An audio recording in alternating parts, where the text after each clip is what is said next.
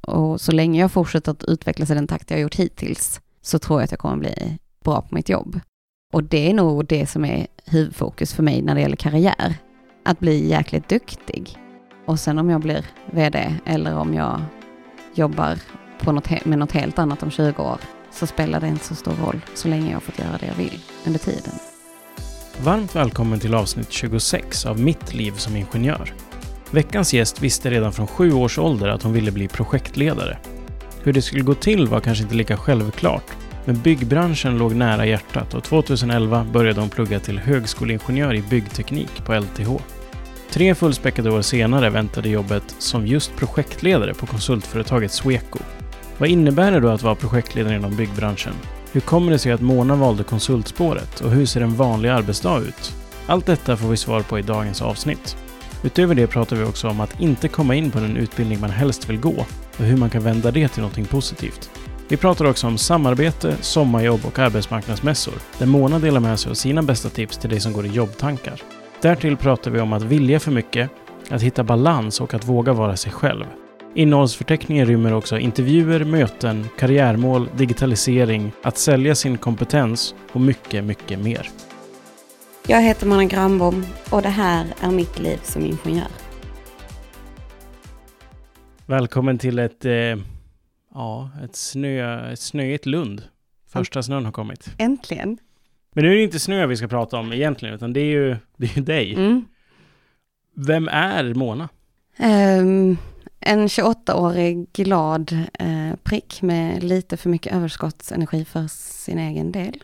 Uh, eller för sin egen bästa hälsas del. Uh, jag jobbar med på Sweco, ett konsult, Sveriges största konsultföretag inom samhällsbyggnadsbranschen. och gjort det i fyra och ett halvt år. Vad, vad gör du på Sweco? Jag är projektledare eh, inom bygg och fastighetsbranschen, så mest det som byggs ovanför mark, eller främst det. Eh, och jag jobbar i projekt eh, och sitter ute mycket hos kunder. Och framför allt så har jag jobbat med de sista fyra och ett halvt åren med sjukhusombyggnader. Eh, och nu jobbar jag med en ny produktion av sjukhuset i Malmö. Mm. Eh, vilket är väldigt fräckt. Så jag gillar att jobba i stora projekt. Så den delen av jobbet på Sweco, eh, när jag jobbar ute hos kund, är mycket i stora projekt eh, med mycket folk runt omkring mig. Är det ett aktivt val att, att jobba med sjukhus? Nej, inte från början. Eh, från början var det min chefs val. Mm. Eh, när jag fick anställning på Sweco så hade han ett eh, uppdrag på sjukhuset i Helsingborg mm. som projektplanerare och då skulle jag hjälpa honom med tidplaner som jag hade jobbat med under skolan. Lite, men. Mm. Eh, och sen så kom jag in där med en fot och så behövde de mer projektledare. Och jag ville gärna jobba mer mot projektledning, mot hur du driver projekten framåt och så. Så att eh, de hade en tjänst och beställaren trodde på mig. Så då började jag där och sen insåg jag att det här var väldigt spännande för att du jobbar mycket med både sjukhusverksamheten, så du får lära dig hur de fungerar. Du jobbar mm. med hyres det är en hyresgäst, fast det är liksom beställ, vår beställares kund. Eh, så det handlar ju om att hitta deras krav och bygga för dem. Till rätt kostnad och rätt pris med rätt entreprenörer, med rätt avtal liksom så. Eh, och rätt system för att de ska förvalta eh, sjukhusen också. Så det är väldigt komplexa projekt. Vilket gör att när man kommer till lite mindre komplexa projekt så blir det väldigt enkelt. Mm. Och jag gillar nog mer den här komplexiteten eh, och ha lite utmaning hela tiden, för det är en utmaning eh, konstant och det är alltid samma problem. Men vad, vad hade varit ett enkelt projekt då? Alltså nu, nu kanske jag sätter mig själv i skiten, men jag anser att bygger du bostäder eh, så har du inte den komplexiteten. För då handlar det mer om eh, bygga det mesta för pengarna.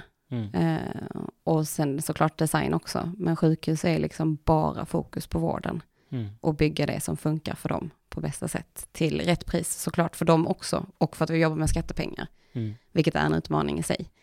Eh, sen har jag jobbat med industrier också. Där finns ju mer komplexiteten i att det ska vara eh, komplexa system och hur deras verksamhet funkar. Analysera, okej okay, men vad behöver de för att de ska kunna vad, vilken typ av byggnad, i mitt fall, eh, behöver de för att deras verksamhet ska funka så smidigt som möjligt. Mm.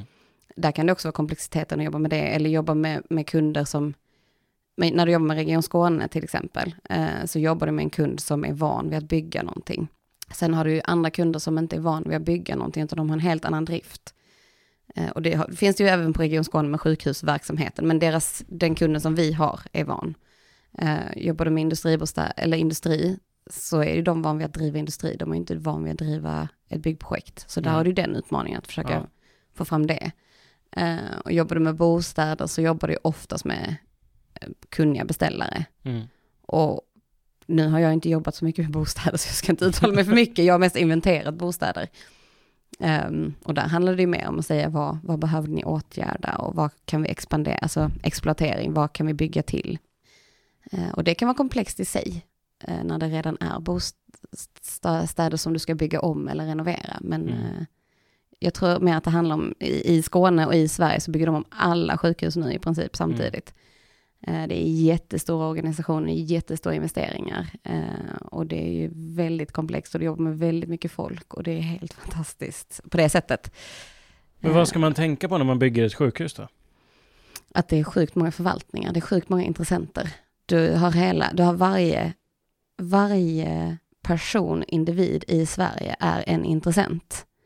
Eh, och du bygger för någonting som, som, om du gör rätt så blir det positivt. Om du gör minsta lilla fel så hamnar du i media på ett negativt sätt. Som till exempel NKS som har fått mycket mer skit än vad de skulle behöva få. För det har inte blivit så mycket fel, eh, vad jag har hört från insidan. Mm.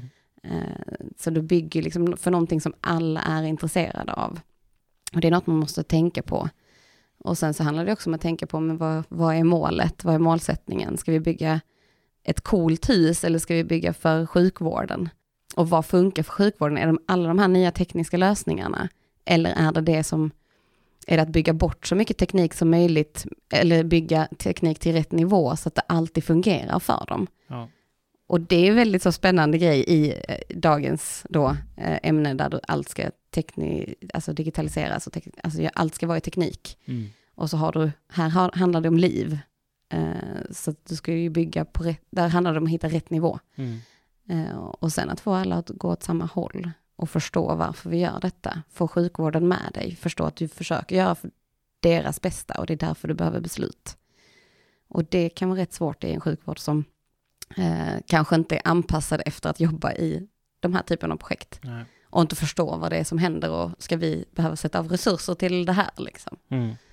Men om, om vi lämnar Sweco och sjukhus och Mm. projektledning för ett tag och, Mm. och backar väldigt långt bakåt i tiden. Mm. När visste du att du ville bli ingenjör? Alltså jag bestämde mig när jag var sju att jag skulle bli projektledare och att jag ville jobba med betong.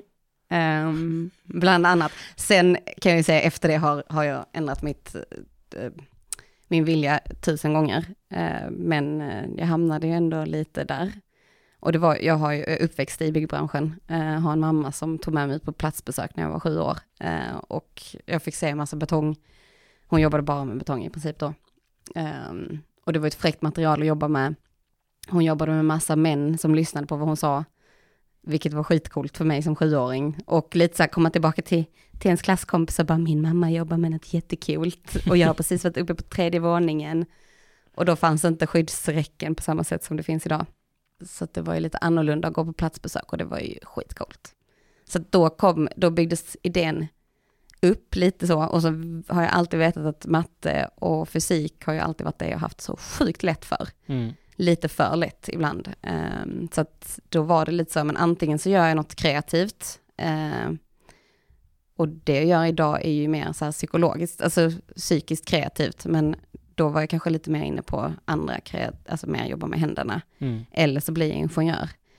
Ehm, och då fanns det typ bara två vägar som jag trodde på, Ehm, för att jag vill jobba med människor.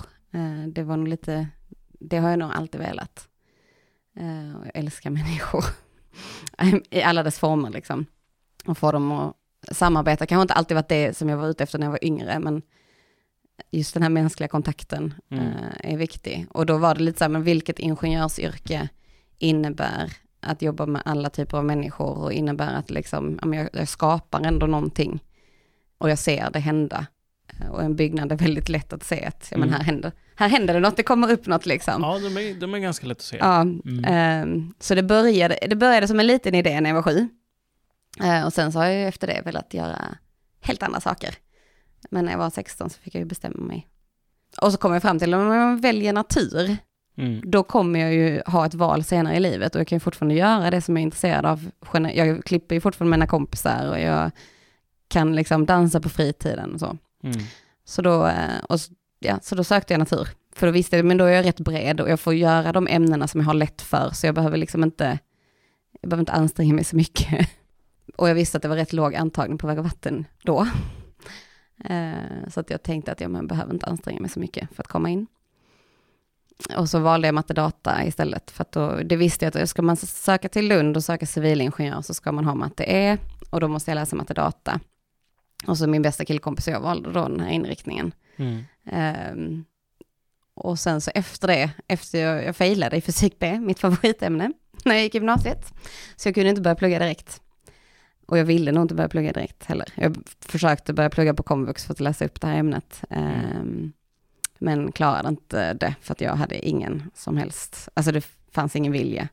Så jag började jobba istället. Ehm, och jobbade upp mig till chefsassistent på Max i Lund. Eh, och flyttade till Malmö, köpte min första lägenhet.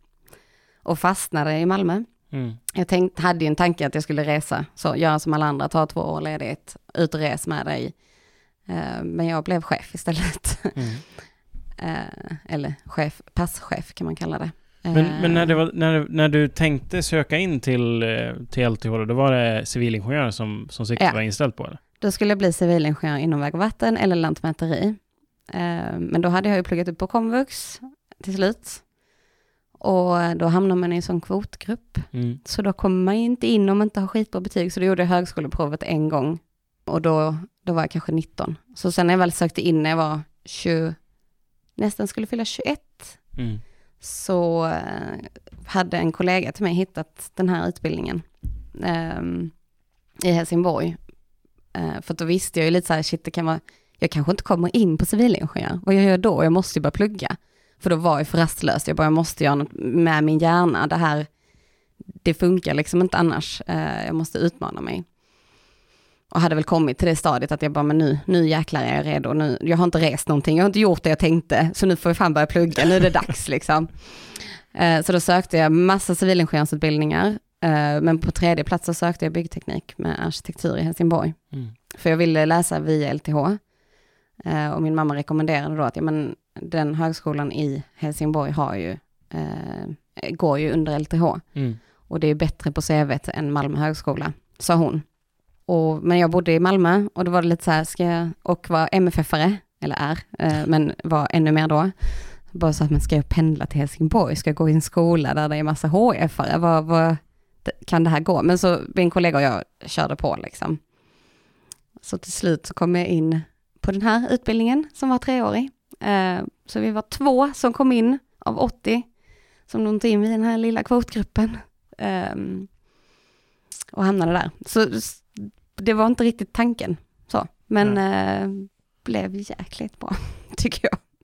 Men funderade du på i början och, och liksom försöka byta under studietidens gång? För det Mm. går ju att när man har läst det, då kan man ju söka till, Mm. till senare del och sådär. Mm. Var det tankar du hade? Alltså jag var ju typ på 21 plats på reserv på väg och vatten. Eh, så jag ringde ju, första veckan ringde jag dem hela tiden. Snälla, kan ni inte ta in mig, plocka in mig.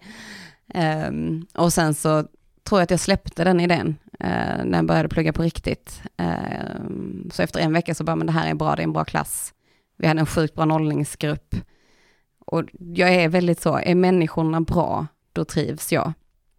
Eh, och jag hittade liksom ett gäng på tio pers som vi började hänga med direkt. Eh, och jag tror efter femte dagen i skolan så fick jag ett engagemang, alltså då var det någon som kom och letade efter, de behövde folk som höll i eh, mässing, vår branschdag, Mm. eh, som vi har i Helsingborg. Och så letade de efter folk som vill engagera sig och jag bara, mamma har sagt till mig att det, om du ska plugga så ska du göra det ordentligt, du ska vara med på allt, festa hårt, hon kanske inte sa festa hårt, men hon menade det. Det var så du hörde det i alla fall. Ja, det var så jag hörde det. Och liksom engagera dig i allt som har med ideellt jobb att göra. Ehm, och som sagt bodde jag i Malmö, så det var lite så, antingen så gör jag detta ordentligt och är här sjukt mycket, eller så kommer jag inte gå i skolan. Och i och med, i och med att jag hade varit som slacker när jag gick i gymnasiet, så var det lite så här, jag pallar inte med det dåliga samvetet igen. Utan nu kör jag hårt. Och då tror jag att jag släppte allt det här med att läsa vidare. Um, eftersom jag började engagera mig och liksom redan kom in i det jäkligt snabbt. Mm. Um, men jag sökte ju in, jag har ju sökt in så dit sen och har kommit in. Uh, men jag tror att det tog mig två år innan jag fattade att, att det var möjligt att söka in under tiden du pluggade. Mm. Uh, och lite så här, men har man börjat har man börjat en bana och det, dessutom det som var positivt med att plugga treårigt, i Helsingborg i alla fall, det är att du börjar med din inriktning direkt. Mm. Vi hade ju den första byggtekniska, alltså, ja men den inriktning, bygg och fastighet och arkitektur, vi hade ju det direkt, eh, jag vet inte om vi hade det första termin, alltså första läsperioden, men ja. andra i alla fall. Och då märker man ju, är det här något som jag vill syssla med? Mm. Uh, och då var det rätt självklart att men det, här, det här är det jag ska jobba, alltså det här, det här är intressant. Så det var både en blandning av det här tunga tekniska, liksom matten och allt det, men ändå med den här inriktningen. Jag tror det var det som krävdes för att jag skulle stanna kvar och orka göra färdigt liksom. Mm. Eh, så att jo, jag har tänkt att jag skulle bli civilingenjör. Och det tänkte jag fram till den dagen jag började på Sweco. Och sen så tänkte jag på det lite till. Så, för då var jag redan inskriven på civilingenjör både inom lantmäteri och civilingenjör väg och vatten. Ja. Så tänkte jag, men jag kanske kan jobba och plugga lite. Mm. Så. Det blev inte så? Eh, det blev inte, eller fyra och ett halvt år senare så har det fortfarande inte blivit så. Nej. I alla fall. Inte än? Inte än. Mm. Men um, du, du engagerar dig mycket ideellt mm. och, och försöker vara med på mycket saker. Men uh, jobb och sånt där under studietiden, praktik och Ja, liksom, alltså jag jobbade ju fortfarande på Max. Jag tror jag tog tjänstledigt första halvåret för att jag hade hört att det är det bästa för att man ska komma in. Eh, men sen började jag ju på PEB och jobbade där en sommar på Max 4 i Lund. Ehm, så jag fick det via kontakter och hade så jäkla kul. Alltså, då var vi ute på en arbetsplats, vi byggde tunga betonggrejer under mark, den här tunneln till acceleratorn ehm, på Max 4, jättestort arbetsområde, superhärliga yrkesarbetare och arbetsledare som bara fångade in mig i den här organisationen och varje morgon man kom till jobbet så var det liksom, tjoho, nu kör vi! Och vissa dagar så körde vi från halv fem på morgonen till kvart i sju för att vi skulle gjuta en stor betongetapp liksom. Mm. Och så jobbade vi måndag till torsdag, så man fick ändå ledigt fredag till söndag på mm. helgen. Så jag tror kanske att jag jobbade lite på Max också den sommaren. Kan vara så. Men jag, jag, tror att jag jobbade, jag jobbade rätt mycket under studietiden. Mm. Um, och sen andra sommaren så kom jag in på Skanskas P3-program. Mm. Som är då, för då vill jag söka själv. Jag vill ju testa om, och kan jag göra det utan att, att jag har ett namn bakom mig. För jag vill ju ändå stå på mina egna ben. Eh, mm. och allt, det har alltid varit jäkligt viktigt att jag är, jag är min, mig själv. Uh, visst, jag har folk så som kan hjälpa mig, men det är sjukt viktigt för mig att jag visar att jag kan själv. Uh, och har väl alltid varit lite så, kan själv. Så, väldigt, och jäkligt envis. Um, och samtidigt som jag sökte till Skanska då så höll jag på att gå in i väggen. Uh, typ kan man väl, jag fick inte hjälp så att jag tog mig ut därifrån själv. Men jag sökte i alla fall till Skanska P3 och då hade jag, jag hade kontakter via kompisar, men inte kontakter, inte så här renodlade, de här, här får du på ett silverfat liksom. Mm. Så då sökte jag dit och precis innan intervjun hade jag haft världens panikångestattack, så mådde verkligen inte bra, hade, jag hade fått så sjukt mycket tråkiga besked månaderna innan.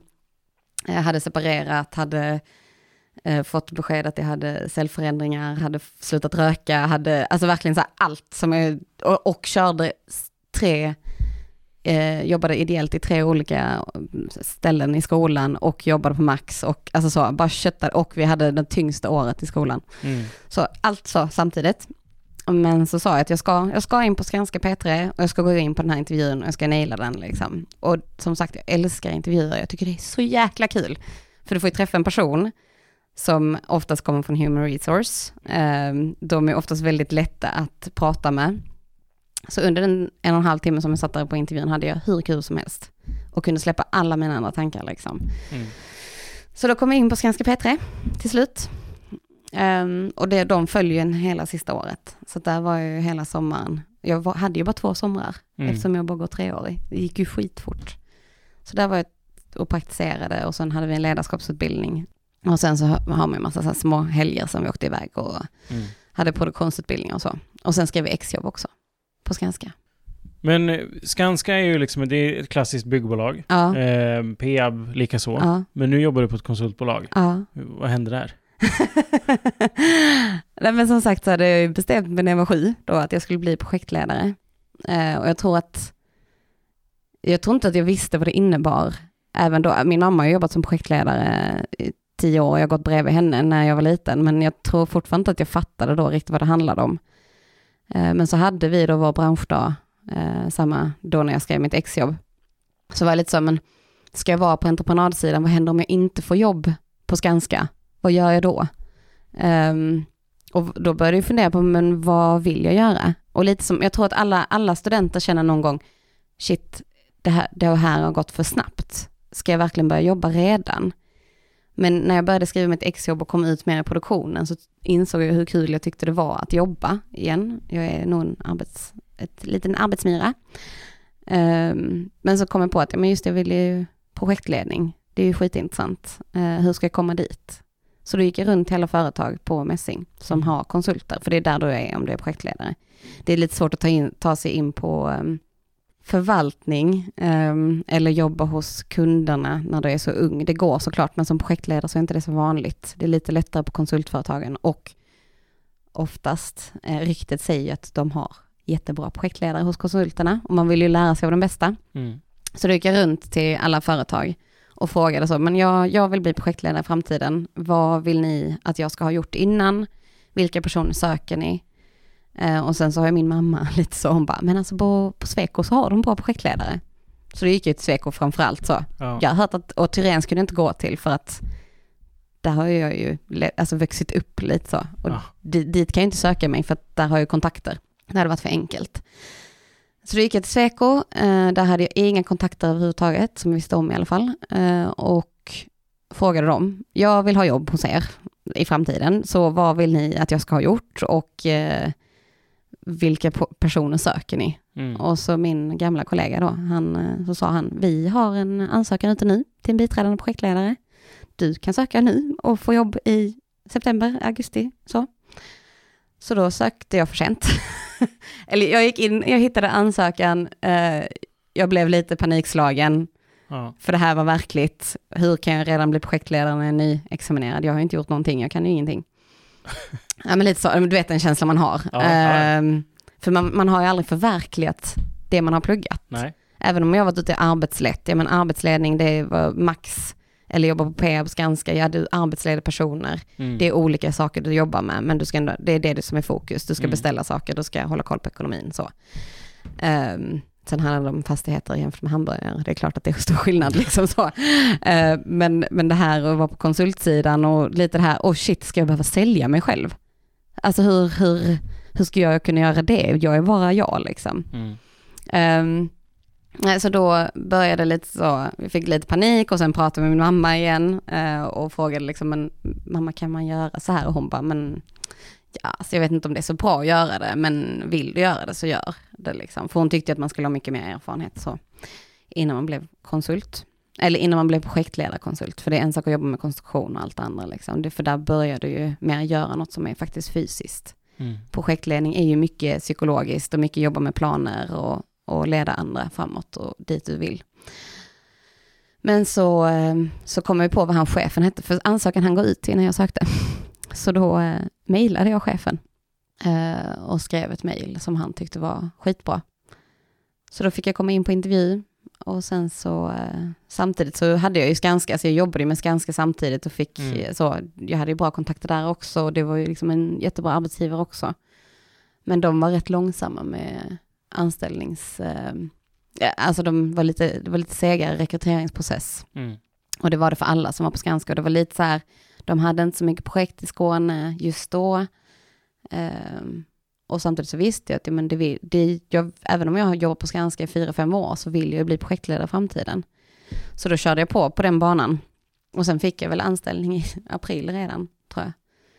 Eh, Och skulle börja bör- jobba i augusti. Och sen kom jag Skanska senare och frågade om jag inte, hur jag hade tänkt där liksom. För då Mm. hade jag fått, hade jag fått ett annat jobbförslag på Skanska. Som var jätte, jätteintressant. Men det vågade jag inte gå på eftersom jag redan hade ett annat spår. Eh, så det sket jag i. Och sen så fick jag till jobbförslag eh, där, eh, som också var superintressant. Mm. Men jag tror att jag var lite nojig under, under tiden jag pluggade, lite så här, tänk om jag inte får några jobb, tänk, tänk, tänk om jag står här och så har jag inget jobb, vad jag då ska gå tillbaka till Max.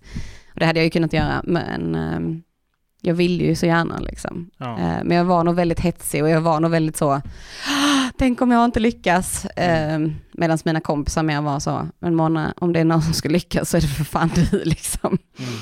Mm. Eh, det som du sa tidigare där med att gå runt på, på mässing då, på mm. mässan och, och, och vara ärlig med att men det här vill jag, jag vill göra det här hos mm. er, vad vill ni att jag ska göra mm. innan det? Mm. Det tror jag, det känns som att det är en väldigt enkel grej. Mm. Eh, det, alla kanske inte liksom lika bekväma med att gå men, det, men det är ett, det är ett väldigt enkelt sätt. Okej, okay, jag vet att jag vill jobba på mm. Sweco jag vill göra det här. Okej, okay, men hur tar jag reda på hur jag kommer dit? Ja, men jag frågar dem mm. som, som kommer erbjuda den här mm. rollen. Vad vill ni att jag ska mm. göra innan jag gör det? Och det är det jag kan känna lite så att vi, vi, eller när man är student så är man så himla osäker på vad man ska ställa för frågor och man, ibland är man för ödmjuk och ibland är man lite så här, ja men vad kan du göra för oss? Mm. Eller för mig. Och det är typ den värsta frågan att få som företag, men vad då? Alltså skojar du? Alltså det är inte riktigt den frågan du kan lägga. Eh, men däremot att fråga lite, alltså så som jag gjorde tror jag att det är, jag hade ju pluggat i tre år då, mm. var väldigt bekväm med mig själv, uh, har nog alltid varit rätt trygg liksom, men hade ju ändå många, uh, vad säger man, många järn i spisen liksom. Mm. Och då var det lite så här, men jag har ingenting att förlora på detta. Uh, och då är det det bästa sättet att liksom så här framhäva sig själv. Och jag menar Peab stod precis bakom, vi hade precis snackat. Och den är ju lite känslig när man är student. Jag har precis snackat med dem på Peab för att liksom marknadsföra mig själv och lite så här, men om jag inte hittar något annat så kanske jag kommer till det. Jag älskar Peab, alltså skitbra företag, men man vill ju inte, man vill inte heller slänga sig själv i, alltså man vill inte ställa sig i dåliga dagar, men jag visste ju att jag ville bli projektledare ja. och jag trodde det skulle passa mig. Och då måste man ju ta för sig. Mm. Uh, och jag tror att det är det enklaste sättet att göra det. Mm. För jag tror, hade jag inte, alltså jag tror säkert det var sjukt många fler som hade gått och snackat med Sweco den dagen. Mm. Men i och med att jag bara så här, så här, det här vill jag, vad vill ni? Kan jag passa hos er? Så. Ja. För det är det det handlar om. Det handlar om en personkemi och det handlar om ett företag och vad de söker och vad de tycker liksom. Uh, det är väl den enklaste frågan för att få de svaren. Mm. Men um, exjobb, mm. sånt brukar man göra. Mm. Och jag gissar på att även du gjorde det. Yes. Inom vad? Jag gjorde det på Skanska inom mot produktion och mot tekniksidan inom eh, BIM. Så BIM mot eh, BIM är då Building Information Modeling eller Management eller Model. Eh, och betyder då att du bygger in information i en modell. Mm. Som kan vara en, en, en modell är något som är i 3D, anser vi. Um, och så när du börjar lägga in mer information så kan den bli, eller hur ska vi säga, en modell kan även vara i 2D och du kan ha information i den, men då blir den 3D. Och så 4D, då har du kanske in eh, tidplan i det och 5D så har du in kostnader. Mm. Eh, så det är en modell som du har information och då kan du ha produktinformation, du kan veta vilken skruv det är och så. Eh, och vi, jag och min kompis skrev ju då om hur man skulle göra de här modellerna för att de skulle fungera att använda i produktionen. För de flesta skrev om hur de skulle funka i förvaltningen. Mm för hur man ska använda det för att alltså liksom veta hur ens, vilket, hus, vilket skick ens hus har. Och vi bara, men vi måste, jag var tvungen att skriva en produktion eftersom jag var tvungen att skriva på Skanska, eller tvungen, jag ville, men för att det skulle funka så var jag tvungen att skriva i produktionen, men så ville jag ha min tekniksida för att jag har alltid varit mycket mot teknik eh, och konstruktion och beräkning och så. Och jag kände väl lite så här, men det här är ett sätt att by bygga ihop det. Och min kompis och jag, jag ville gärna skriva med honom. Eh, för jag vet att vi funkar hyfsat lika och har lite samma ambitioner. Och mm. Man ska ändå sitta med någon i ett halvår. Det är, det är viktigt att det är kul, eh, tycker jag. Och så ville vi sitta på ett företag och så ville vi skriva om BIM och så ville vi skriva på Malmö Live för det var ett coolt projekt som pågick just då.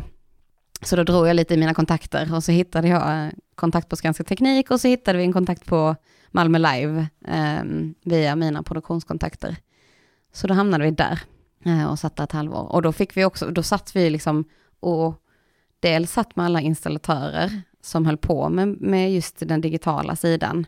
Och de som inte höll på med det försökte vi utbilda eller skriva enkla manualer.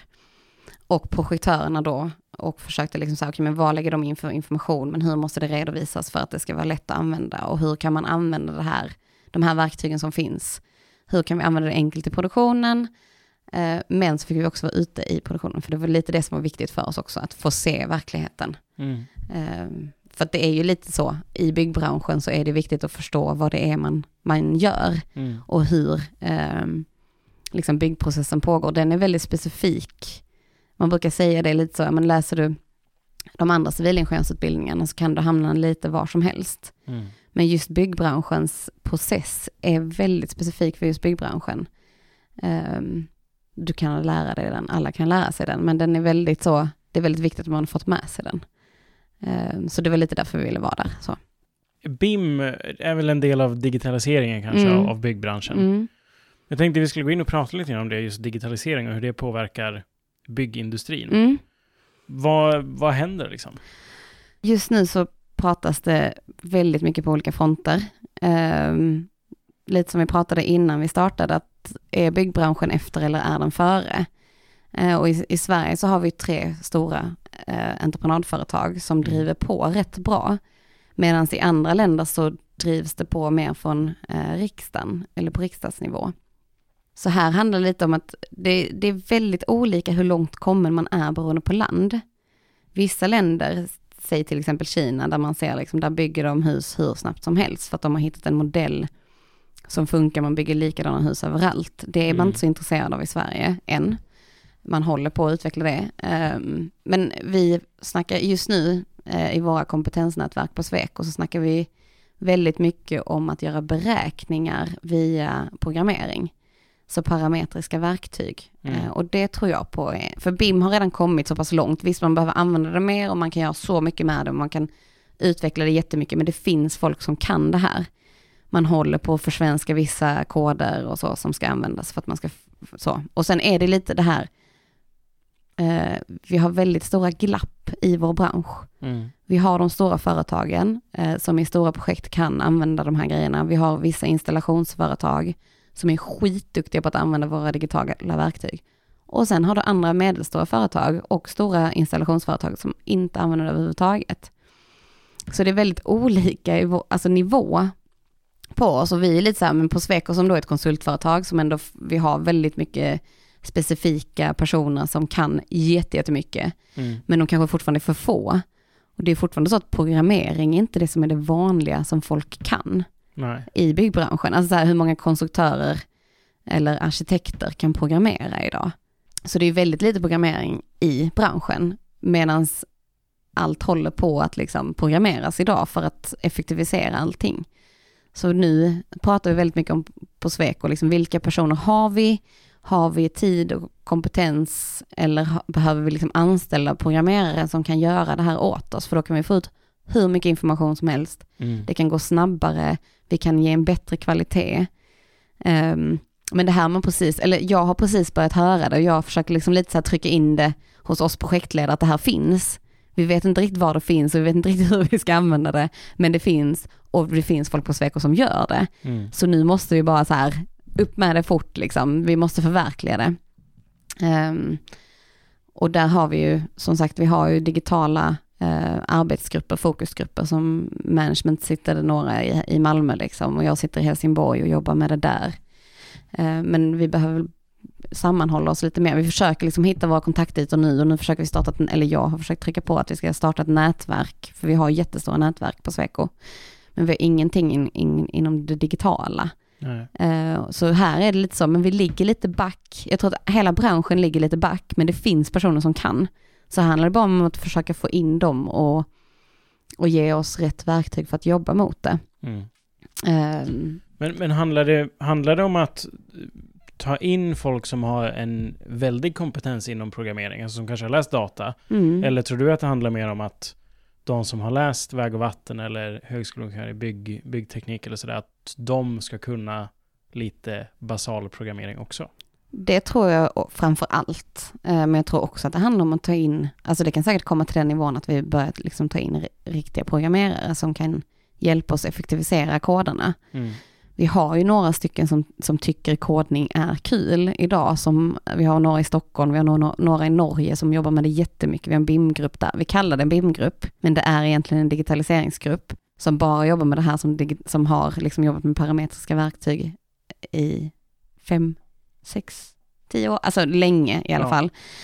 Um, och som gör väldigt mycket av det. Så jag tror mer det handlar om att det måste komma en grundnivå. Det är lite som man snackar om i grundskolan.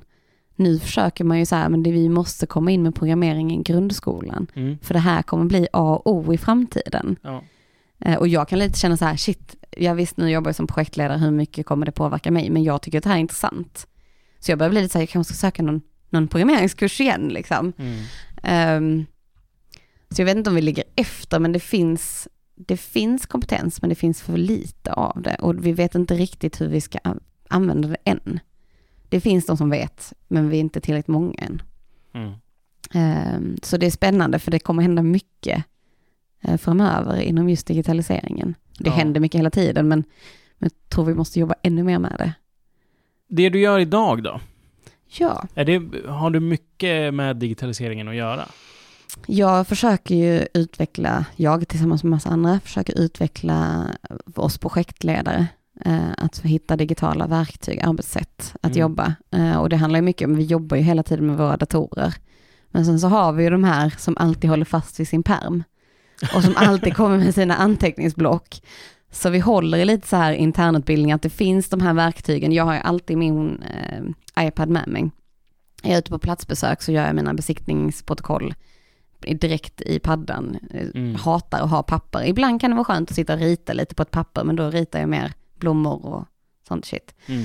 Eh, men hos oss handlar det mycket om att jobba digitalt eh, och inte skriva ut så mycket papper, för det är så sjukt mycket pappershantering och det finns så mycket bra databaser idag som kan hjälpa oss framåt eh, i hanteringen. Det jobbar vi väldigt mycket i våra projekt också. Okej, men nu har vi börjat med ett granskningsverktyg där vi har all granskning digitalt och där man får in alla kommentarer från alla, så alla kan vara inne i samma sessioner mm. åt, äh, samtidigt.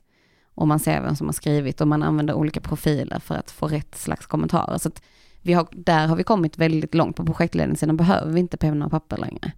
Eh, sen handlar det om att man, vissa föredrar penna och papper och det är okej. Okay. Man får göra som man vill, det man tycker är effektivast. Eh, så vi, jag jobbar väldigt mycket med det. Um, och vi är rätt många av oss i yngre generationen, eller de som har varit mycket, jobbat mycket med digitala, digital hantering, dokumenthantering och så, är ju väldigt digitala.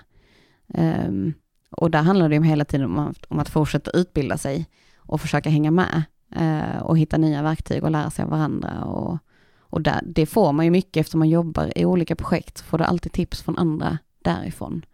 Och sen att vi har våra interna nätverk hos oss, där vi liksom säger, men okej, vad är, vad är framtiden? Vad, vad, tror vi är värt att satsa på? Mm. Um, och det är ju väldigt spännande. Jag tycker att det här är liksom, det är ett måste. Uh, för att vi ska komma framåt. Mm. Men hur ser en typisk torsdag ut för dig då? En torsdag? Det beror på om jag är i projekt eller om jag är ute på någon studentambassadörsjobb, eller om jag har um, någon digital, uh, att vi håller på med liksom någon workshop gäller digitaliseringen. Men Säg att du är ute i projekt. Är jag ute i projekt så är det möte. Möte på möte på möte. Och så ringer telefonen och så är det mail och så är det ute i produktionen och så är det något projekteringsmöte. Det är väldigt mycket möte men det är också väldigt mycket samarbete som det handlar om. Alla våra möten går ut liksom på, för mig handlar det om att driva frågorna framåt så att vi kommer till den nivån vi vill till. Mm. Um, och samordna med alla vi behöver samordna med. Uh, så det handlar mycket om att liksom kommunicera via telefon, kommunicera via mail. Um, när jag har ett byggprojekt igång och är byggledare, då handlar det om att se till att det funkar där ute. Är det något som inte funkar så måste jag lyfta upp det, ta med mig det, hitta en ny lösning de hjälper ju till med lösningarna förhoppningsvis. Och så har man ju sina projektörer. Så det handlar ju mycket om att som projektledare så har du ju alla faser. Du har den här förfasen som, liksom, som vi sitter i, i mitt projekt i nu. Där du ska få liksom kravställaren att bli tydlig på det du ska bygga. Vad är det de behöver för att, kunna för att det ska funka för dem? Mm. Och sen går du in i projekteringen där vi ska ta fram bygghandlingar eller systemhandlingar. I mitt fall nu så kommer det bli bygghandlingar. Um, och då handlar det om, i mitt stora projekt nu handlar det om att, att hitta rätt nivå eh, att det kommer, att det ska se likadant ut i huset, så försöka hitta de kontakterna. Eh, och sen få de som räknar på det och ritar på det att göra samma sak och gå dit och få, få ett samarbete. Så att de känner att, att de gör, eh, så att vi gör saker i rätt fas mm. eh, och kommer i tid liksom med leverans och så. Eh, och hitta lösningar. Det är hela tiden mycket fokus på lösningar. Eh, och sen så nästa fas är ju då att handla upp en entreprenör. Det är den mest spännande fasen, tycker jag, för att där är jag fortfarande, alltså det gör man inte lika ofta som du projekterar. Eh, och du, när du jobbar inom offentliga verksamheten som jag gör just nu, då handlar det också om att du kan få in vilka anbud som helst. Mm. Från vilken, alltså beroende på vad du har kravställt. Det handlar om att göra en jättetydlig kravställan. Och det ligger bara på mig. Det ligger inte på någon annan resurs, liksom, utan det är vi som projektledare som gör det. Och sen så att få samarbetet att fungera under produktionen eh, och få alla att gå åt rätt håll. Mm. Um, så mina dagar handlar ju mycket om att hålla igång dialogen liksom och hitta, hitta rätt kontakter till rätt personer så att man får rätt svar. Um, och se till att alla går åt samma håll. Uh, och att man håller ihop och att man ser det som är mest intressant med mitt jobb, uh, det handlar om att se de olika personerna, vad har de för fördelar? Eller vad, vad är deras mest positiva egenskap i det här jobbet och, och, hur ska jag kommunicera med den för att den ska förstå vad jag vill? Och uh, hur får jag de personerna att, att liksom vilja åt samma håll som jag vill?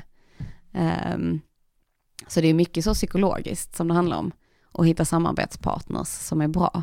Mm. Eh, och det är ju nästan det mest spännande och att du får jobba med människor eh, som gör att man liksom får ett samarbete och att det faktiskt blir kul på jobbet. Eh, och att du hittar den här ja, personliga kontakten, att man gör saker för varandra för att man vill, inte för att man måste. Mm. Eh, så det, det, är mycket det jag gör på dagarna. Gillar du att sitta i möten eller är det ett ont måste? Alltså det är ett ont måste. alltså nej men möten kan vara givande. Eh, och när man hittar möten som, vi har mycket arbetsmöten nu där du faktiskt fokuserar på att hitta lösningar. Då är det mer som en workshop. Mm. Eh, och där är mitt jobb att skriva anteckningar och driva på. Eh, anteckningar är kanske inte det jag tycker är, det är det jag tycker är riktigt jäkligt tradigt egentligen. Men det är, det är viktigt hur jag skriver dem för att det ska vara rätt. Eh, men att driva på um, gör ju att du känner ju inte riktigt att du sitter i ett möte. Mm. Men det är väldigt tidskrävande. Alltså, vi har ett projekt nu som är där vi har så mycket möten som man måste prioritera bort hälften för att hinna jobba. För jag säger ju inte att jag jobbar när jag sitter i möten, utan så här, när jag går ifrån ett möte så säger jag, nu ska jag gå och jobba. För då ska jag göra någonting, alltså då ska jag verkligen så. Ska, men det är ju den effektivaste tiden istället för att sitta och mejla eller ringa, kan ju mm. vara att ha ett möte. Mm.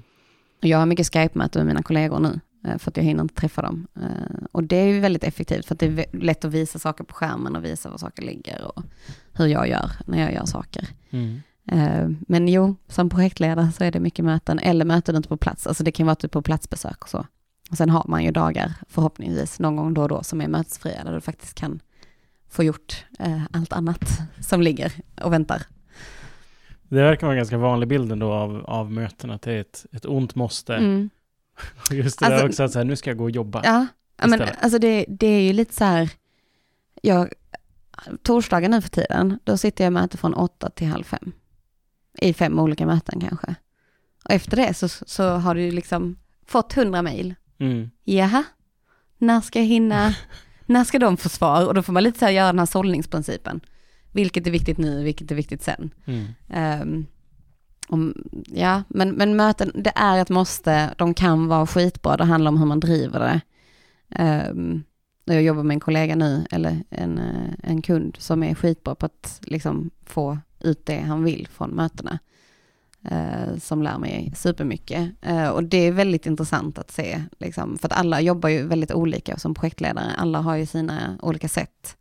Och därför är det väldigt roligt att jobba med andra Eh, för att du lär dig olika sätt och så kan du anpassa det efter hur du vill göra. Jag har väldigt mycket fokus när jag jobbar på att vi ska samarbeta. Mm. Jag vill lära känna dig som person, för jag vill veta hur, hur jag får dig att brinna för det jag brinner för. Mm. Eh, och hur jag får med mig dig så att du gör lite extra för mig. Det tycker jag är viktigt. Eh, och att man har den här sammanhållningen så att man har kul tillsammans så att folk vill jobba för en, folk vill jobba med en. och tycker att det är det som är extra roligt. Sen är det, vet inte jag om jag är bra på det än. Um, men jag tror de projekten jag har drivit från, från ax till limpa har ju gått bra. Mm. Och man hittar oftast de personerna som man får rätt svar från. För det handlar också om det, hitta rätt svar. Uh, och hitta ett svar som håller. Och ta beslut såklart. Mm. Uh, som man tror på. Men idag så, så jobbar du med projektledning. Mm. Och det var ju det du ville göra mm. också. Mm. Vad, vad är nästa steg? Alltså det är ju så sjukt läskigt. Det var lite så här när jag började som projektledare. Jag började som biträdande. Mm. Uh, jag tror inte jag var det mer än två veckor. Och sen gick jag in i en projektledarroll och bara så här, ja nu driver jag. Sen hade jag ju samarbets, alltså jag jobbade med andra som var mer erfarna. Mm. Uh, så vi stöttade varandra. Jag jobbade med en arkitekt då som precis hade blivit projektledare. Så vi var två projektledare som kom från olika sidor. Jag hade lite mer produktionssidan och hon hade lite mer uh, förstudiesidan och vi höll på mycket med förstudier då, så vi lärde ju varandra av det. Och hon var skitdriven och jag var ju så jäkla ung och så jäkla hungrig på det här. Men efter något år så bara, jaha, vad gör man nu då? Vad, vad, hur, hur kommer jag vidare? Alltså vad, vad, gör jag för att komma vidare? Jag är projektledare. Mm. Men jag tror att nästa, det handlar då mer om att landa i den rollen. Mycket handlar om att landa och bli en så bra projektledare som möjligt. Men sen har ju jag sagt till mina chefer att jag ska bli vd en dag. Det är liksom, det är ett givet mål. Eh, och jag tror att det skrämmer mig något fruktansvärt när jag sa det. Eh, men jag tror att det handlar ibland om att uttrycka saker för att komma dit man vill. Eller jag tror det är A och O. Eh, och sen vet jag inte, om tio år så kanske jag inte vill bli vd. Alltså jag funderar, jag älskar ju resa och jag mm. älskar att dansa. Det är liksom det jag gör på min fritid. Jag jobbar stenhårt när jag jobbar och sen drar jag iväg i fyra veckor och reser. Eh, och mina kollegor tycker jag reser hela tiden. De frågar mig, ja, vad har du bokat nästa resa? Och så har jag oftast bokat en resa.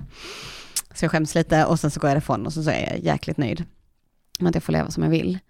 Um, så de sista, alltså nu har jag ändå jobbat i fyra och ett halvt år. Jag har jobbat i samma typ av projekt, men man gör konstant olika saker.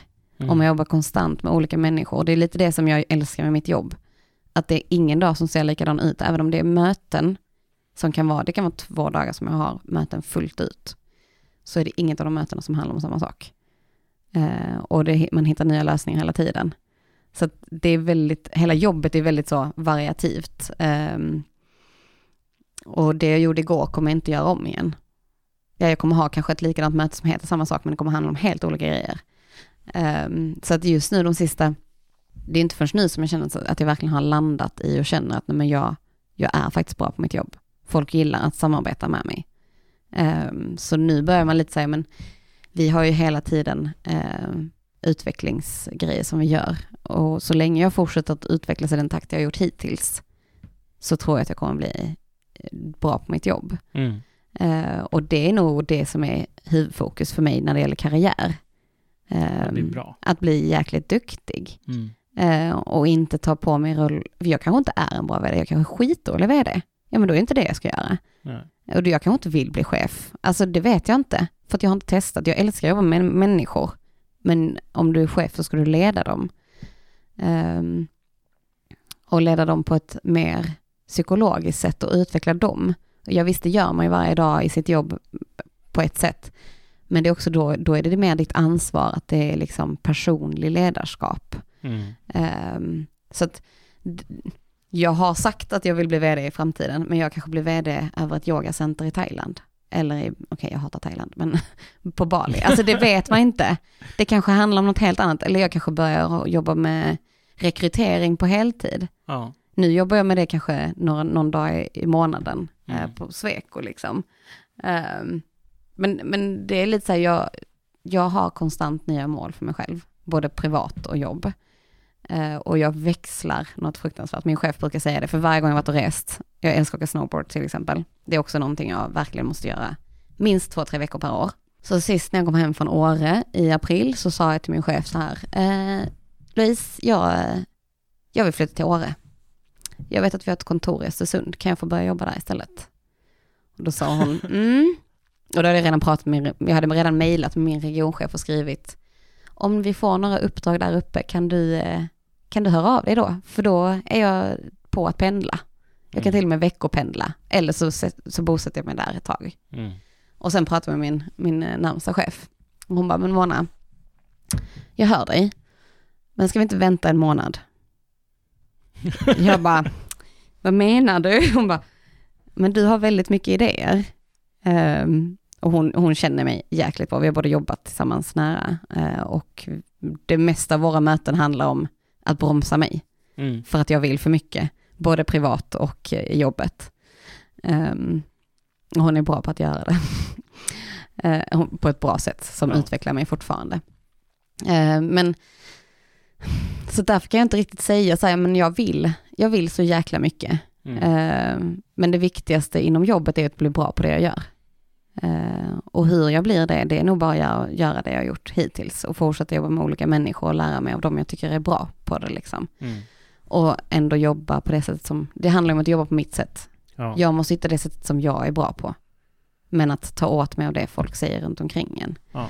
Eh, och sen om jag blir vd eller om jag jobbar på något, med något helt annat om 20 år så spelar det inte så stor roll så länge jag har fått göra det jag vill under tiden. Om, om det är så viktigt att ha balans mellan att, att du har mycket intressen på fritiden, du har, mycket intressen på jobbet, att du vill göra jobbet bra, du vill göra dina Mm. intressen bra. Hur, hur hittar du balans?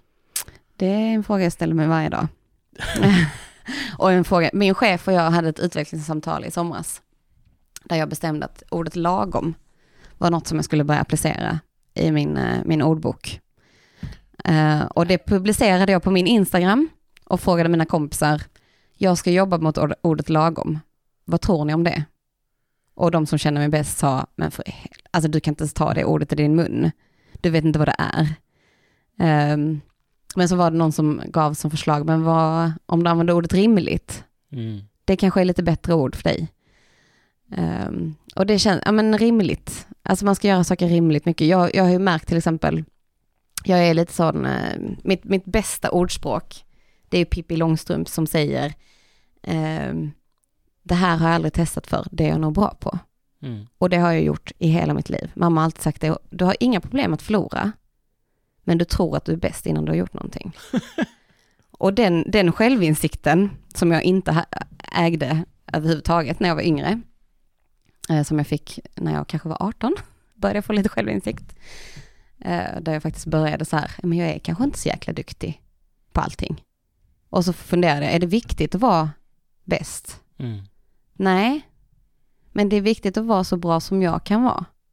Alltså så här, det, kanske, det, är det, det kanske är det som är viktigt för mig.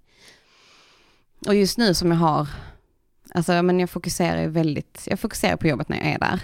Ehm, men jag har också bestämt mig att jag ska inte jobba för mycket. Och för ett år sedan så fick jag det som, som liksom krav på mig. Av min eh, förra chef. Det var kanske ett och ett halvt år sedan till och med. Då sa hon så, hon bara, om du, om du ska liksom fortsätta jobba med det här och om vi ska ha en löneförhandling nästa år, då måste du gå ner i tid på jobbet. Jag bara, jaha? Vad, jaha? Vad innebär gå ner i tid? Hon bara, ja men du får max jobba 10 timmars övertid per månad. Okej, mm, ja men det är rimligt. Och det är inte så att jag har en massiv bank med övertid, utan det är mer så att ja, men, jag jobbar stenhårt och sen åker på semester och tar Mm. ut det. Så första året jag jobbade ett helt år så var jag ledig 11 veckor. Andra året var jag ledig 10 veckor. Och det hade jag ju jobbat ihop liksom. Mm. Men nu så för ett och ett halvt år så fick jag kravet att, ja, men okej, du, du får börja jobba mindre. Du får inte jobba mer än 10, veck- eller 10 timmar, 8 till 10 timmar per månad. Mm. Okej, hur, hur ska jag lyckas med detta då? För jag, vet, jag visste inte hur man gjorde riktigt. Alltså jag visste att jag hade, jag har vissa perioder där jag jobbar mer intensivt. Jag har vissa perioder där jag fokuserar väldigt mycket på mina kompisar och mina intressen och så. För att jag har ju väldigt stort, alltså det är väldigt mycket som händer hela tiden överallt. Mm. Så då började jag träna istället fem dagar i veckan. då la jag till det. Ehm, och bara så här, men om jag börjar träna innan och efter jobbet, då kan jag inte jobba så mycket. Så jag gjorde jag det i kanske ett år. Och så sa min chef, men tycker du att det är rimligt, det du gör nu? Är det lagom? Nej, det är kanske inte lagom. Så nu eh, i somras, eller i våras, så dansade jag tre dagar i veckan och tränade någonting annat någon dag i veckan och jobbade mindre, då jobbade jag nog lite mer rimligt, men jag var iväg sjukt mycket också och reste. Mm. Vilket var mitt mål att inte vara. Jag skulle vara hemma så mycket som möjligt. Insåg att när jag är hemma så gör jag mer, så det var inte heller så bra. Um, men jag tror lite att det är lite det här som driver mig. Alltså att ha mycket att göra, men att jag får komma tillbaka och vila under vissa perioder. Det är det som får mig att drivas mest. Liksom. Jag har försökt analysera det här skitmycket för att hitta en, den här lagom balansen som jag inte gillar. Ehm, men så har jag insett, nej men på hösten, då gillar jag att vara hemma. Då är det skitmysigt i Sverige. Det är kallt ute, vilket jag inte kanske uppskattar alltid, men det är mysigt att mysa ner sig i soffan och då kan man jobba jättemycket. På våren, då ska man åka skidor, eller snowboard i mitt fall. Då är det fokus. Och sen finns dansen alltid där. Så, mm. det är liksom, och, och ja, dansen går inte lika bra som den gjorde när jag var yngre, men det är okej och jag har skitroligt när jag är där. Så det, det, handlar mycket om det och sen så försöker jag träffa sina vänner däremellan och allt annat så, familj och så. Men jag tror att ja, men, eh, min, min, min rimlig nivå är nog rätt hög. Men att jag ibland behöver ge mig tillåtelse att bara säga nej, men nu går jag in i min lilla bubbla. Jag använder inte sociala medier så mycket, eller jag, använder inte, jag kommunicerar inte så mycket via telefonen. Um, för har du, jobb, samarbetar du med 200 personer varje vecka på mm. jobbet, då kan du inte vara fullt aktiv överallt heller.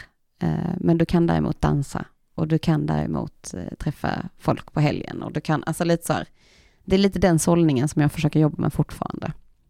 Men jag tycker att det är viktigt. Jag tycker att det är viktigt att dansa. Jag tycker det är viktigt att resa. Um, och det kommer faktiskt före det mesta.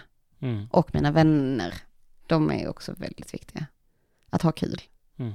Uh, så, så, ja, mm. flummigt. Alltså det, det, är, jag försökte, jag försökte in, inför det här så försökte jag komma på vad, vad är det som är, vad är det som driver mig och vad är det som, som är viktigt. Och jag tror den mänskliga kontakten är det som är viktigast. Mm. I hela världen för mig så är den mänskliga kontakten viktigast. Mm.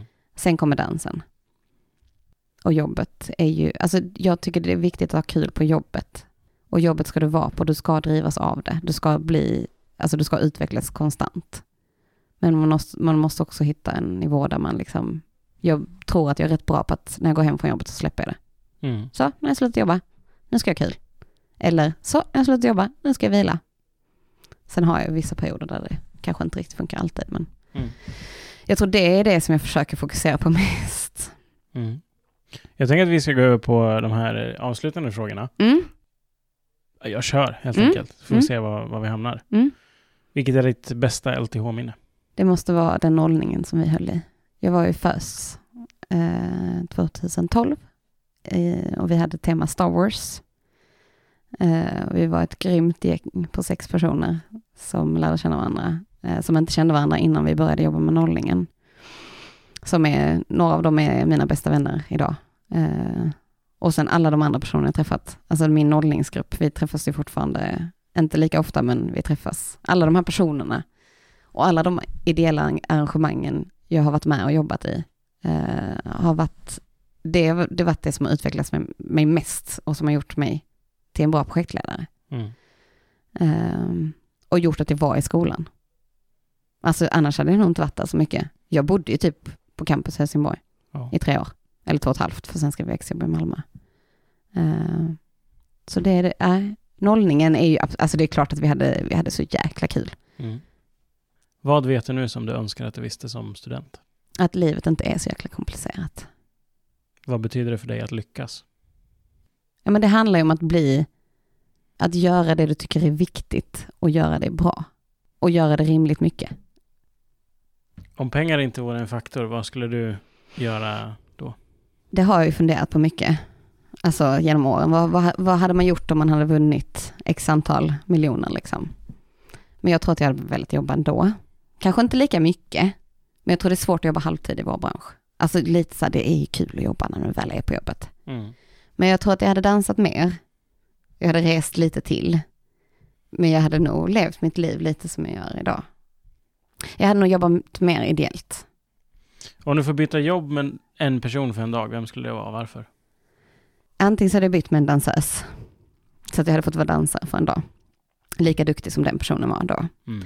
Eller så hade jag jobbat med rekrytering mer. Alltså jobbat som mm, så. Det, det är det jag tror att jag hade velat göra. Eller bli konstruktör för en dag. Det är ju också skitroligt. Men jag tror inte jag hade pallat det mer än en dag, för man sitter stilla för mycket. Och man träffar inte så mycket personer. Vad får dig att gå till jobbet på morgonen? Att jag vet att jag har folk som tror på mig och att jag vet att jag, det gör skillnad att jag är på jobbet. De behöver mig där liksom. Eh, och att det jag gör är kul. Har du några avslutande tips till de som lyssnar? Jag tycker alltid man ska vara sig själv. Och jag tycker alltid man ska våga ta för sig mer. Och speciellt tjejer. Alltså, kom igen. Girl power, alla.